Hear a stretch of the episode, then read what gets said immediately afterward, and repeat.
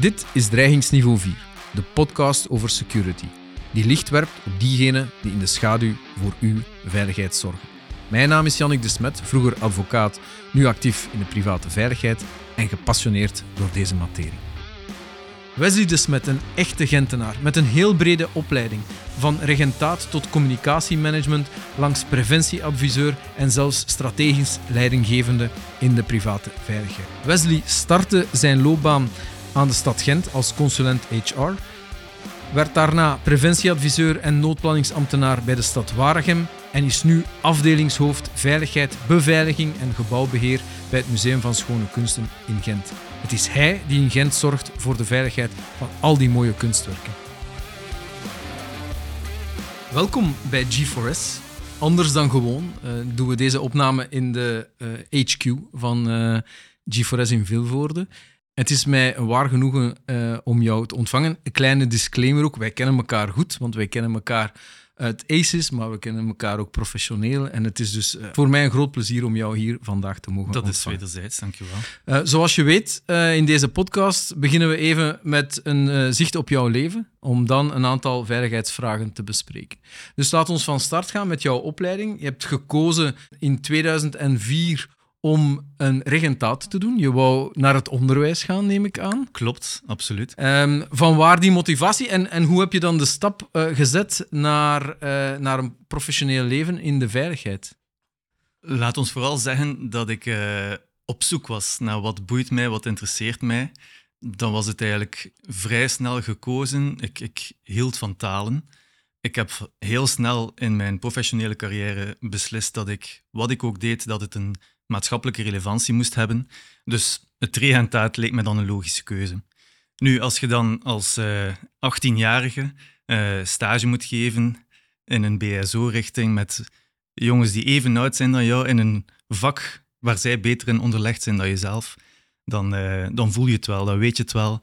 En um, dus eigenlijk heb ik op die leeftijd beslist van dit is het niet of dit is het nog niet. Ik ben daar niet klaar voor. Mm-hmm. Um, dus dan ben ik na dat eerste jaar gestopt. Zat ik echt op een tweespalt van, ga ik de werkvloer op?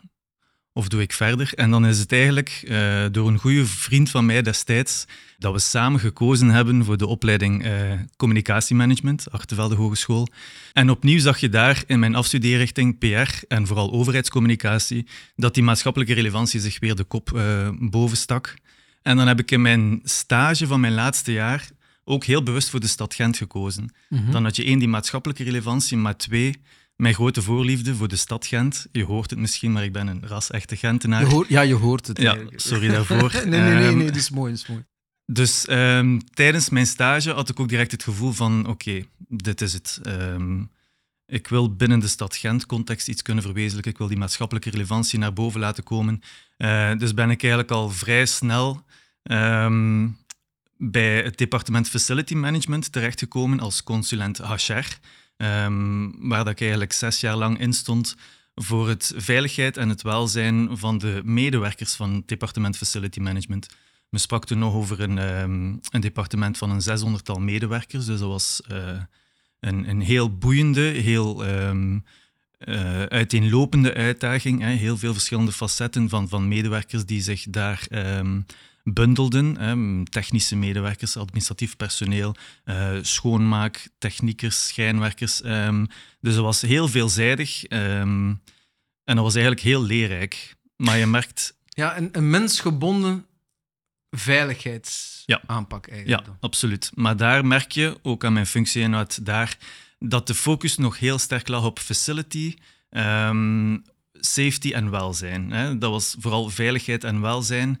Um, maar daar ben ik eigenlijk steeds dichter uh, richting security uh, gerold, eigenlijk, als het ware. Um, dat heeft mij gebracht naar 2016 toen ik eigenlijk om persoonlijke redenen op zoek was naar een job achter de hoek. Uh, mijn vrouw en ik waren in blijde verwachting van een tweeling. We hadden toen al een kindje van vier jaar. Dus het leek ons wel nuttig om iets uh, achter de hoek te hebben, letterlijk en figuurlijk in de buurt.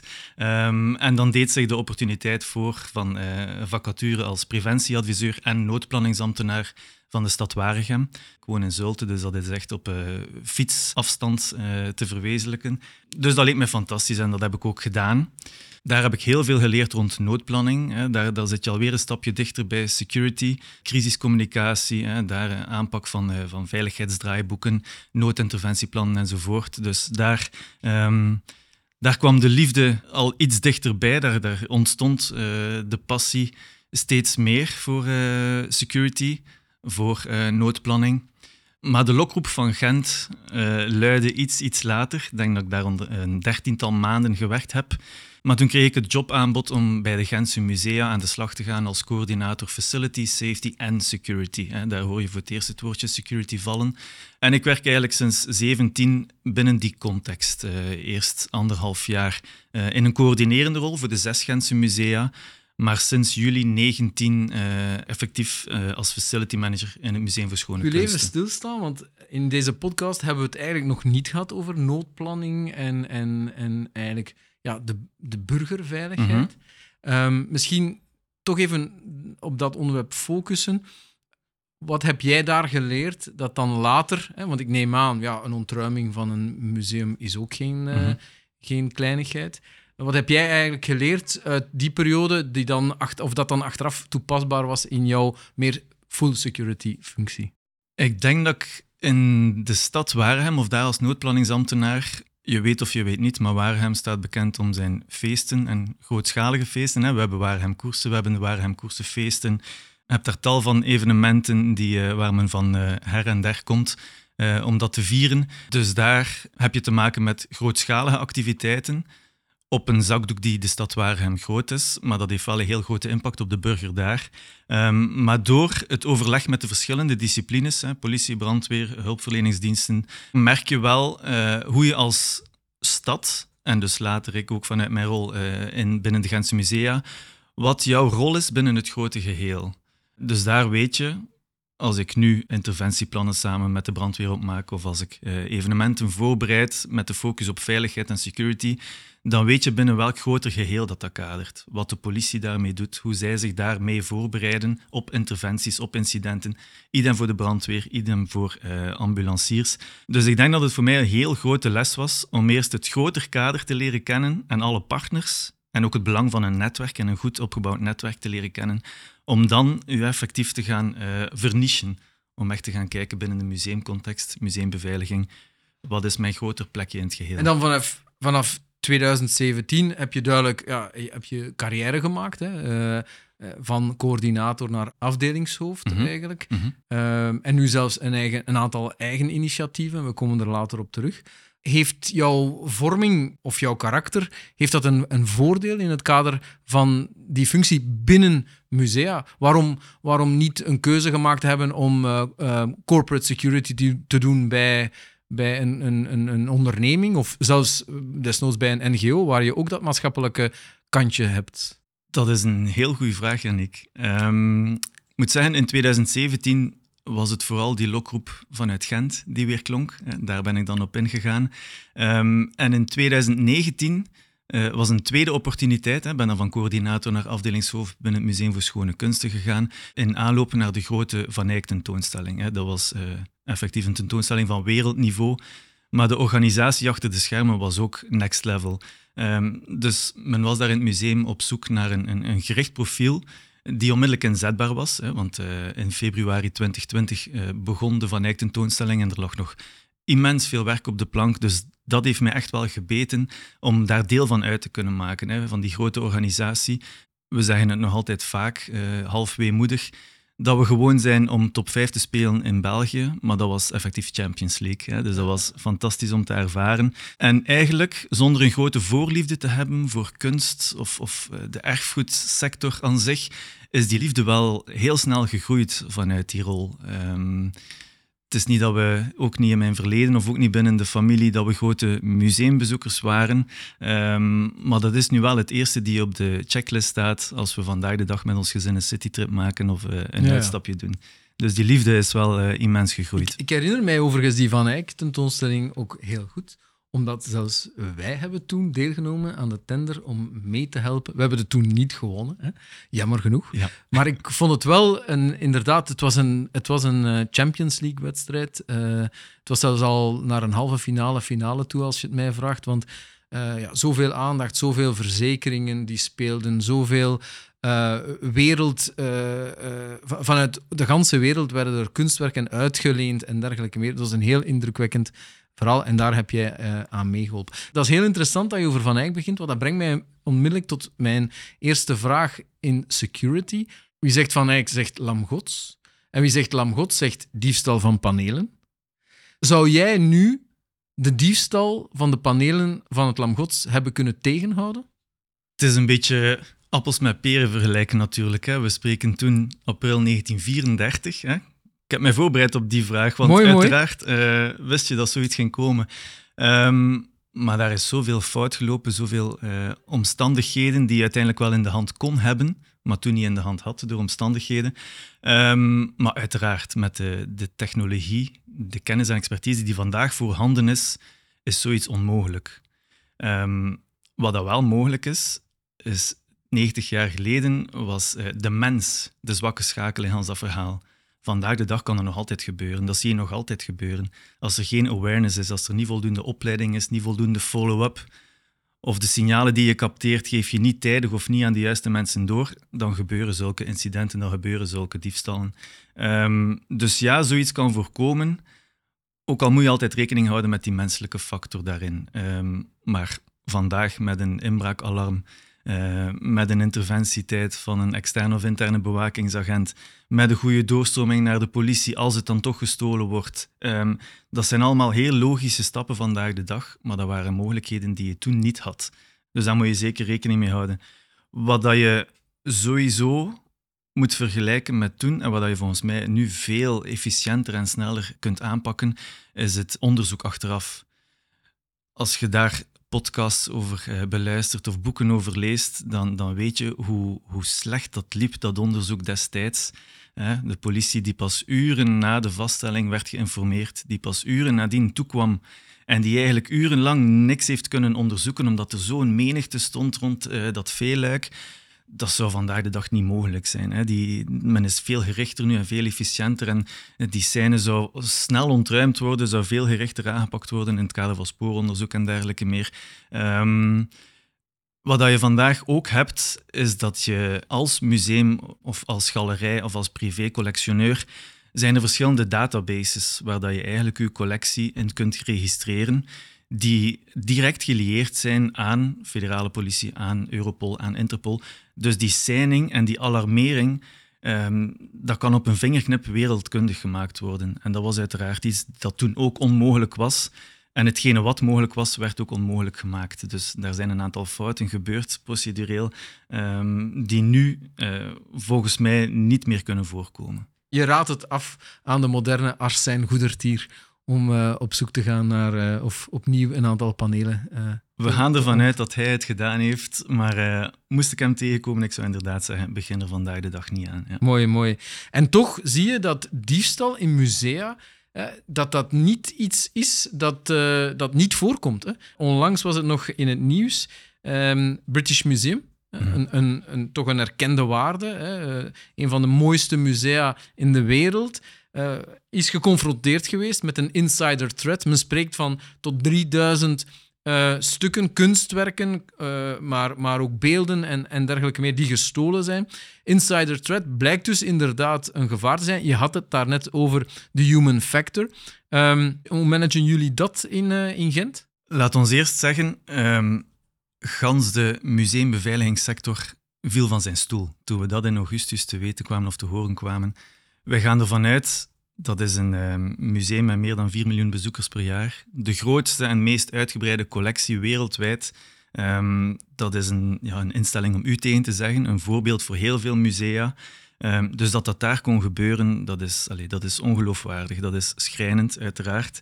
Hoe gaan wij daarmee om? Weet je, dat legt al direct wel uh, een aantal uitdagingen bloot. In die zin van, als we met insider threat bezig zijn, dan zijn we niet alleen met security bezig, maar ook met HR. Dit zijn personeelszaken, hè. dit is uh, opvolging van de mens achter de functie en achter de rol. Uh, dus je bent al direct afdelingsoverschrijdend bezig, wat het uiteraard complex maakt. Los daarvan weet je dat iemand die uit geldgewin of uit dwang ehm, of om een of andere verslaving, wat dan ook uh, een insider threat kan vormen. Maar zowel intern als extern geeft hij bepaalde signalen uit. Sowieso. Dat is in het British Museum ook gebeurd. Daar heeft men eigenlijk twee jaar lang met, met harde signalen, met harde bewijzen zelfs, niks gedaan. Dat heeft men volgens mij vooral gedaan uh, om reputatie- en imagoschade te voorkomen. Maar door het feit dat die doofpot steeds groter werd, is die imagoschade achteraf des te groter geworden, des te groter gebleken. Dus allez, nu zie je ook dat zij verschillende dingen versneld in gang zetten om die imagoschade goed te maken, om die collectie te gaan uh, uh, digitaliseren, registreren. Uh, dus plots is er wel veel aandacht, plots is er wel veel budget, ongetwijfeld Zoals ook mankracht. Achteraf. Voilà, achteraf. Maar dat is eerlijk gezegd iets waar dat we lokaal ook mee worstelen. Um, het budget. We hebben allemaal verschillende besparingszones achter de rug binnen de Gentse musea, binnen de Gentse context. Um, ook museumbeveiliging en budget daarvoor uh, moet meesnoeien. Dus het wordt alsmaar moeilijker om elke euro zo efficiënt mogelijk in te stellen uh, of in te zetten. Dus ja, insider threat is ook maar een van de vele risico's waar we dag in dag uit mee te maken hebben. Maar bijzonder is wel dat een museumbewaarder, dat is een medewerker van de stad Gent. Ja, dat is tweeledig. We hebben ter beschikking gesteld, de statutairen van de stad Gent, maar we hebben ook contractuelen binnen onze AGB-context, het autonoom gemeentebedrijf, uh, die overkoepelend de Gentse musea. Uh... Maar dat wordt dus niet aangeleverd door contractoren, geen bewakingsfirma's? Onze minimale bezetting wordt ingezet met onze interne bewakingsdienst. Alle extra planningsnoden en behoeften uh, worden ingevuld met externe agenten. Ja. Okay. Waarvoor we trouwens beroep doen op jullie, G4S. Waarvoor dank. Um, Wesley, kunstcriminaliteit is toch wel een, een, een specialiteit. Hè? Uh, het is een heel gefocuste materie. Je moet ook innoveren, uh, jezelf verrijken. Waar haal jij dan als specialist uh, de mosterd vandaan? Well, uiteraard, je doet ervaring op hè, door dag in dag uit in het werkveld te staan. Zo een, af en toe een tijdelijke tentoonstelling van hoogstaand niveau brengt uiteraard ook veel kennis met zich mee. Um, maar dat we de voorbije jaren in Gent aan gewerkt hebben, um, is echt wel gaan kennis delen vanuit verschillende sectoren. En zo hebben we eigenlijk uh, anderhalf jaar terug Grace uh, opgericht. Uh, dat is een expertisecentrum rond kunstcriminaliteit. Vooral opgebouwd vanuit de UGent, de politie Gent en de Gentse musea. De godfather van de criminologie heb je al over de vloer gehad, Marco. Ja, ja, was een van de founding fathers ook van Grace. en vandaag nog altijd, uiteraard. En wat we daar eigenlijk doen, is zoals ik zei, vanuit academische insteek, maar ook politioneel en vanuit het werkveld, de musea, de, eh, de erfgoedsector, gaan we gewoon we zitten samen op tijd en stond, zowel digitaal als fysiek. Wij, delen kennis uit vanuit verschillende insteken die elkaar versterken. Uh, en dat uit zich ook uh, in studiedagen. Binnenkort, 11 december, hebben we een tweede studiedag bij ons in het Museum voor Schone Kunsten. En eigenlijk willen we daar niks liever dan mensen uit onze sector. Security is een niche, maar museum security is een nog grotere niche. Dus we zijn al niet met veel. Dat maakt kennis delen en netwerken met elkaar zo belangrijk.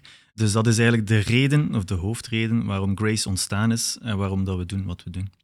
Als je nu naar de evolutie van de technologie kijkt, zijn er stappen gezet in de laatste jaren, sinds 2017, hè, uh, zijn we toch al enkele jaren verder. Zijn er stappen gezet waar, waarvan jij zegt, ja oké, dit maakt een onderscheid, dit, is, dit heeft ervoor gezorgd dat mijn museum of ons museum, het museum van de stad Gent, het museum van schone kunsten van de stad Gent, veiliger is? Naar insider threat toe? In de brede zin. Ik denk, hoe dan ook, um, Laat ons dan terugkeren naar 2019, 2020. De Van Eyck tentoonstelling uh, heeft ons gedwongen om een, een heel hoge standaard naar beveiliging toe toe te passen op, onze museum, op ons museum, op onze museale werking. Um, sommige dingen zijn niet in stand te houden in de reguliere werking, maar andere zaken waren een quick win of zijn gewoon uh, budgetair. De meerwaarde daarvan is budgetair behapbaar om het in stand te houden. Uh, dus ja, Drie jaar geleden hebben wij een aantal uh, maatregelen genomen uh, om de beveiliging naar top-level te brengen, die we vandaag nog altijd in stand houden. En ook daar, de andere Gentse musea uh, pikken daar ook een graantje in mee, uiteraard. Criminaliteit is een onderwerp, we hebben het over gehad, diefstal. want ja, kunst heeft een waarde. Maar daartegenover staat ook meer en meer activisme. We, hebben, we zien nu um, op uh, verschillende, in verschillende musea zijn er handenklevers aan het werk geweest, soep- en, en verfwerpers geweest. Hebben jullie daar schrik van?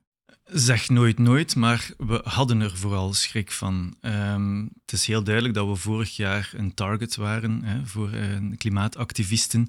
Maar doorheen de tijd hebben we hen kunnen laten inzien dat we medestanders zijn. Hè? Dat we niet het kanaal willen zijn om een boodschap te verkondigen, maar dat we vooral mee de boodschap willen verkondigen. Alle musea in Vlaanderen en België zijn bezig met een, een verduurzamingsbeleid. Wij denken bewust na van hoe kunnen wij als entiteit duurzamer uh, leven, onze eh, maatschappelijk belang uh, zo duurzaam mogelijk maken. Denk aan de opbouw van tentoonstellingen. Als wij daar nieuw meubilair voor maken, dan denken wij ook al vooruit van wat gaan we na die tentoonstelling mee doen? Hoe gaan we het nog kunnen omzetten, hergebruiken of herbestemmen? Dus wij zijn ook met tal van acties bezig om onze uh, voetafdruk te verkleinen. Dus door die communicatielijn met activisten uh, levend te houden en, en aan te houden, uh, hebben we hen mee kunnen nemen in het verhaal van kijk, werk met ons samen, werk niet tegen ons samen. En dan zie je dat zij stilaan andere sectoren of andere manieren van media-aandacht proberen te krijgen.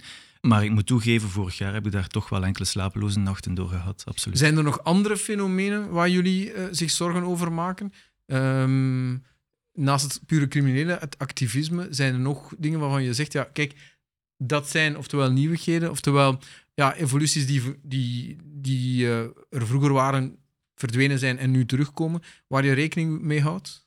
Waar ik mij deels uh, zorgen in maak, waar zeker nog werk uh, op de plank ligt, is het digitale aspect, uiteraard. Um, wij werken binnen een stadscontext. Wij zijn afhankelijk van uh, een stadsdienst, een uh, Digipolis noemt dat, District 09. Um, ehm, zij staan in voor onze cybersecurity. Nu, ik als security manager binnen de Gentse musea-context, um, voor mij is dat ook een beetje een blinde vlek. Zij willen daar zo weinig mogelijk over zeggen, om security redenen, maar voor mij maakt dat dat mijn integraal veiligheidsbeleid of ons integraal veiligheidsbeleid niet sluitend is. Hè? Want ik heb op een bepaald aspect geen zicht. Los daarvan moeten wij zoveel mogelijk, hè, denk aan het incident in het British Museum, onze collectie registreren, maar ook digitaliseren. Mhm. Wat maakt dat de programma's en de platformen die daarvoor gebruikt worden ook een target kunnen zijn voor criminelen, voor hackers. Want daar staat gevoelige informatie in. Noem het zoals dat je het wil, maar daar staat in hoeveel een object weegt, waar het zich bevindt met hoeveel mensen dat je moet zijn om het op te heffen, ik zeg maar iets, in het kader van collectiehulpverlening. Dus allez, dat, is, uh, dat is fantastische informatie voor mensen met slechte bedoelingen ook. Maar ook daar heb je weinig vat op, op die programma's, op die software. Dus voor mij is dat een aandachtspunt. Ja. Je had het daar net al, of we hadden het daar net al over een aantal uh, initiatieven van jou. En een van die initiatieven is Counterplay. Uh, we hebben daaromtrent professioneel met elkaar contact gehad.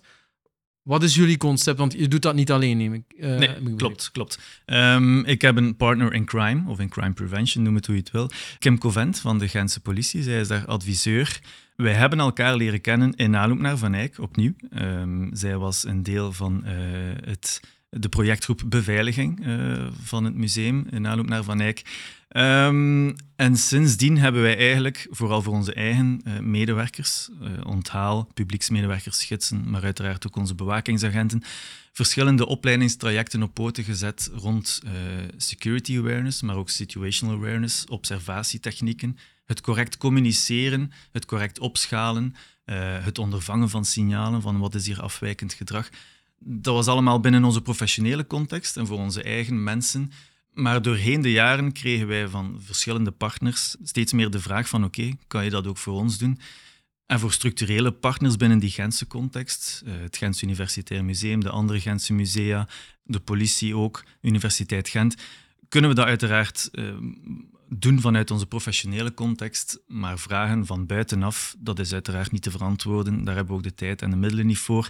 Dus ontstond bij ons het idee om Counterplay uh, op te richten. Uh, counterplay, het woord zegt het zelf. Wij proberen een tegenzet te doen, het is dan ook een schaakterm, vanuit een, een, um, een positie waarin dat je ondergeschikt bent of in het nadeel bent ten opzichte van je vijand. Maar door te gaan denken als de vijand, kan je ook kijken van wat zijn zijn volgende stappen. En eens je dat weet, kan je daarop uh, gaan verdedigen? Kan je daarop anticiperen? En dat is eigenlijk wat we met Counterplay doen. Wij, wij bieden trainingen aan, um, awareness sessies, teambuildings, maar ook tabletop en field exercises, um, specifiek op het denken als de vijand, het, uh, het zich laten voelen, uh, hoe, het, hoe het is om, om de vijand te zijn, om een handlanger te zijn, om een slachtoffer te zijn. Dus alles draait een beetje om gamification binnen ons traject, waarbij dat we echt aan de hand van serious games mensen willen laten ervaren van hoe is dat nu om, om, om hier te staan of hier te kijken als een crimineel met slechte bedoelingen. Wat doet dat met jou?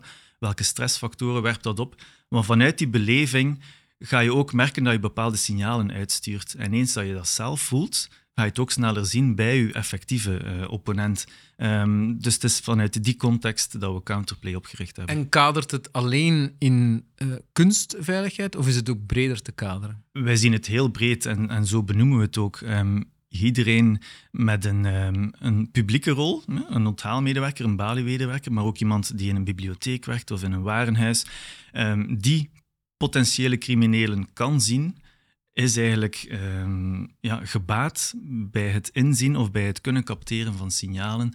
Um, dus ja, het, het, gaat ver buiten de, de, de kunstwereld. We zien het eigenlijk als een meerwaarde voor iedereen. Zijn er scenario's waar je al. Zijn er anekdotes, zijn er scenario's waar je al van jezelf bent verschoten? Van goed, ik zou het bijna beter zelf doen. Ik zou het beter kunnen dan de beste crimineel. Want ik ken ook het intern verhaal. Nu zijn we mezelf als insider threat aan het aanschouwen, maar... Um... Dat, dat, dat denk ik niet hoor, maar uh, voor alle duidelijkheid. Maar het is wel, het is, het is, het is, mijn vraag komt vanuit de reflectie um, dat de, inderdaad de sterkste positie deze is die de inside en de outside kent. Mm -hmm. En daarom geloof ik ook in het concept. Maar je kan dat wel eens van jezelf verschieten, denk ik ook. Vandaar. Het is elke oefening dat je doet of elke rol die je aanneemt, is um, heel confronterend. Hè. Je leert er inderdaad heel hard uit. Maar waar ik persoonlijk het meest over of bij leer, eh, zijn de evaluaties van de oefeningen en de input die je dan krijgt van alle medespelers. En dat je ook achteraf eens nakijkt van dit was het concept, dit waren de scenario's, deze feedback heb ik gekregen van de medespelers. Als je dan begint na te denken, ja maar wat als dan, kun je weer, dan kijk je weer vanuit perspectief naar de vijand, naar je eigen veiligheidsbeleid. En dat zijn voor mij de meest leerrijke momenten. Wat ik, wat ik ook in, in de opleidingen die wij geven, wat, wat ik vaak zeg aan, aan, aan uh, klanten, is um, dat de opponent vaak ook heel rationeel is. Als een opponent door een straat loopt en hij ziet een camera in een huis, en je hebt vijf huizen en je ziet aan, aan één huis een camera, uh, al is die camera misschien niet echt of niet verbonden, toch doet dat iets met die man. Hè? Die, gaat, die gaat eigenlijk een rationele keuze maken voor um, dat doelwit met minste weerstand. Is dat iets dat. Wat, resoneert dat bij jou? Absoluut, absoluut. Dat is ook een beetje waar dat wij bij stilstaan als we een barrièremodel uitvoeren. We hebben ook samen met een aantal partners een barrièremodel kunstcriminaliteit uitgewerkt op basis van de criminele planningscyclus. Hè. Een, een, een, crimineel die zich een beetje voorbereidt, die professioneel aan de slag gaat, heeft minimum een achttal stappen die hij uh, steeds opnieuw zet uh, in naloop of in voorbereiding van zijn effectieve daad. En bij heel wat van die stappen moet de crimineel in, in, in, ja, in wezen langskomen, echt gaan observeren, een dry run gaan doen, kijken van hoe reageren die mensen. Maar dan kijken wij ook altijd, wat is het moeilijkste of wat is het meest intrigerende voor de crimineel? Beveiliging dat je ziet of beveiliging dat je niet ziet? Dus ja, ik volg u in de zin van het is het gemakkelijkst om de huizen zonder camera te gaan, uh, te gaan als target gaan beslissen of gaan kiezen. Um, maar zorg vooral, en dat doen wij heel bewust binnen ons uh, museum, zorg vooral voor onzichtbare beveiliging. En dat is afradend. En dat is volgens mij heel vaak, je kunt het natuurlijk niet hard maken, maar heel vaak al een beslissende factor geweest voor de crimineel om te stoppen met zijn voorbereiding. Vanuit die analyse en even terugdenkend aan wat er eh, in België de laatste tijd is gebeurd, moet je toch wel vaststellen dat wanneer de crimineel niet rationeel is en uh, eigenlijk zich quasi niet voorbereidt, maar impulsief handelt, zoals vaak in Lone Wolf terreurdaden, dat dat dan eigenlijk wel een heel moeilijke figuur is om te vatten. Ben je het daarmee eens? Absoluut. Maar dan uh, kan je je als museum of als organisatie wel preventief gaan voorbereiden. En eigenlijk moet je zorgen dat de opportuniteit zich niet kan voordoen. Bij ons bijvoorbeeld in periodes van opbouw of afbouw, ja, de deuren naar de reserves moeten open. De deuren naar de museumzalen moeten open, want wij moeten nu eenmaal het werk tegen de muur krijgen tegen die bepaalde periode. Terwijl is het museum open voor bezoekers. Je kunt bepaalde zalen of sectoren afsluiten, maar dat is een wezenlijke dreiging. Dus dat is een opportuniteit die zich kan voordoen. Als je op die momenten verhoogde waakzaamheid kunt vragen aan uw collectiemedewerkers, maar ook aan uw bewakingsagenten vanuit de controlekamer, gezorgd dat uw, uw badsysteem op uw deuren correct geprogrammeerd is. Allee, er zijn altijd heel veel maatregelen of barrières die je kunt opwerpen om die opportuniteit van die onvoorbereide crimineel weg te nemen. En het is die opstapeling van barrières, opnieuw kom ik bij het barrièremodel uit, het is de bundeling aan barrières die, die de gatenkaas zo klein mogelijk maakt. En het is dat dat je altijd moet ambiëren. De perimeter blijft eigenlijk centraal, eigenlijk in elke, zoals eigenlijk in elk security model. Absoluut. Ook wij werken met de ajuinschillen en wij hebben onze de hotspots waar dat we effectief alles op inzetten. Oké. Wanneer we de podcast afsluiten, dan stellen we altijd nog drie vragen. En de eerste vraag is: zijn er mensen, groepen, uh, organisaties die jij zeker beschermd wilt zien? Ook dit zijn drie vragen waar ik uh, goed over had kunnen nadenken, Yannick. Ik wist dat ze kwamen. Maar um, in deze voel ik mij genoodzaakt om, om een, uh, een antwoord te geven vanuit de maatschappelijke insteek. Want de voorbije weken, wat ik in elk nieuwsartikel of op het nieuws lees, is de schrijnende situatie in Israël en in de Gazastrook. Hoe dat je daar de, de meest kwetsbare mensen um, gewoon ja, zonder uh, enige schijn van kans uh, het leven ziet ontnomen worden, dat, dat, dat, dat raakt mij telkens weer. Het raakt mij nu om er zelf over te praten. Dus als ik dan iemand beschermd wil zien, dan zijn het wel de meest kwetsbaren. Oké. En aan de andere kant, hè, de andere kant van de medaille, zijn er mensen, groeperingen, organisaties die je totaal niet beschermd wil zien? Aangezien dat ik daarnet een maatschappelijke insteek gaf, wil ik nu toch wel een professionele insteek geven. En dan heb ik het persoonlijk het moeilijkst met mensen die niet willen beschermd worden, die de dreiging niet willen inzien, um, dus die, die effectief wel risico lopen, maar het niet willen inzien of niet geholpen worden. En dat, uh, ik vind dat schrijnend. Um, ik denk dat elke security professional daar ooit mee te maken heeft of gehad heeft. Maar dat is, ja, dat is een constant worstelen en vechten tegen de bierkaai. En net als in de British Museum is dat dan meestal dat er maar aandacht en budget voor vrijgemaakt wordt als het te laat is. Mhm. En het is net als security manager dat, dat je wilt voorkomen. En wat het ook zo frustrerend maakt als dat dan niet lukt. Oké. En om af te sluiten, heb je nog een tip, een idee, een concept dat je wil aan de mensen meegeven, zodat ze veiliger zouden zijn? Um, ik heb het gezien binnen de stad Waregem, ik heb het gezien in de Gentse context en ik uh, hecht er veel belang aan in mijn privésfeer. En dat is het belang van netwerken ik ben er echt ja, heilig van overtuigd dat uh, voldoende mensen kennen, voldoende kennis delen, um, dat dat een absolute meerwaarde heeft. Niet alleen in uw privésfeer, maar ook professioneel. Het kan u zo snel helpen om, om de juiste mensen te kunnen contacteren, om te weten bij wie moet ik zijn om bepaalde euvels uh, weg te kunnen werken. Um, dus gewoon voldoende tijd vrijmaken voor netwerken. Ik vind het een, een heel, heel mooie uh, bemerking die je maakt. Ik las onlangs een artikel over de oorlog in Oekraïne en waar men aan de mensen vroeg wie heeft u het meest geholpen? En het antwoord was de buren. Het zijn de buren die het meest helpen. Het is uw interne netwerk, het netwerk rond uw woning, die eigenlijk beslissend kan zijn over de manier waarop jij het onheil dat u toch overkomt, zult beleven. Dus ik vind het een heel, heel mooie bemerking, Wesley. Waarvoor dank. En ook bedankt voor deze podcast. Graag gedaan.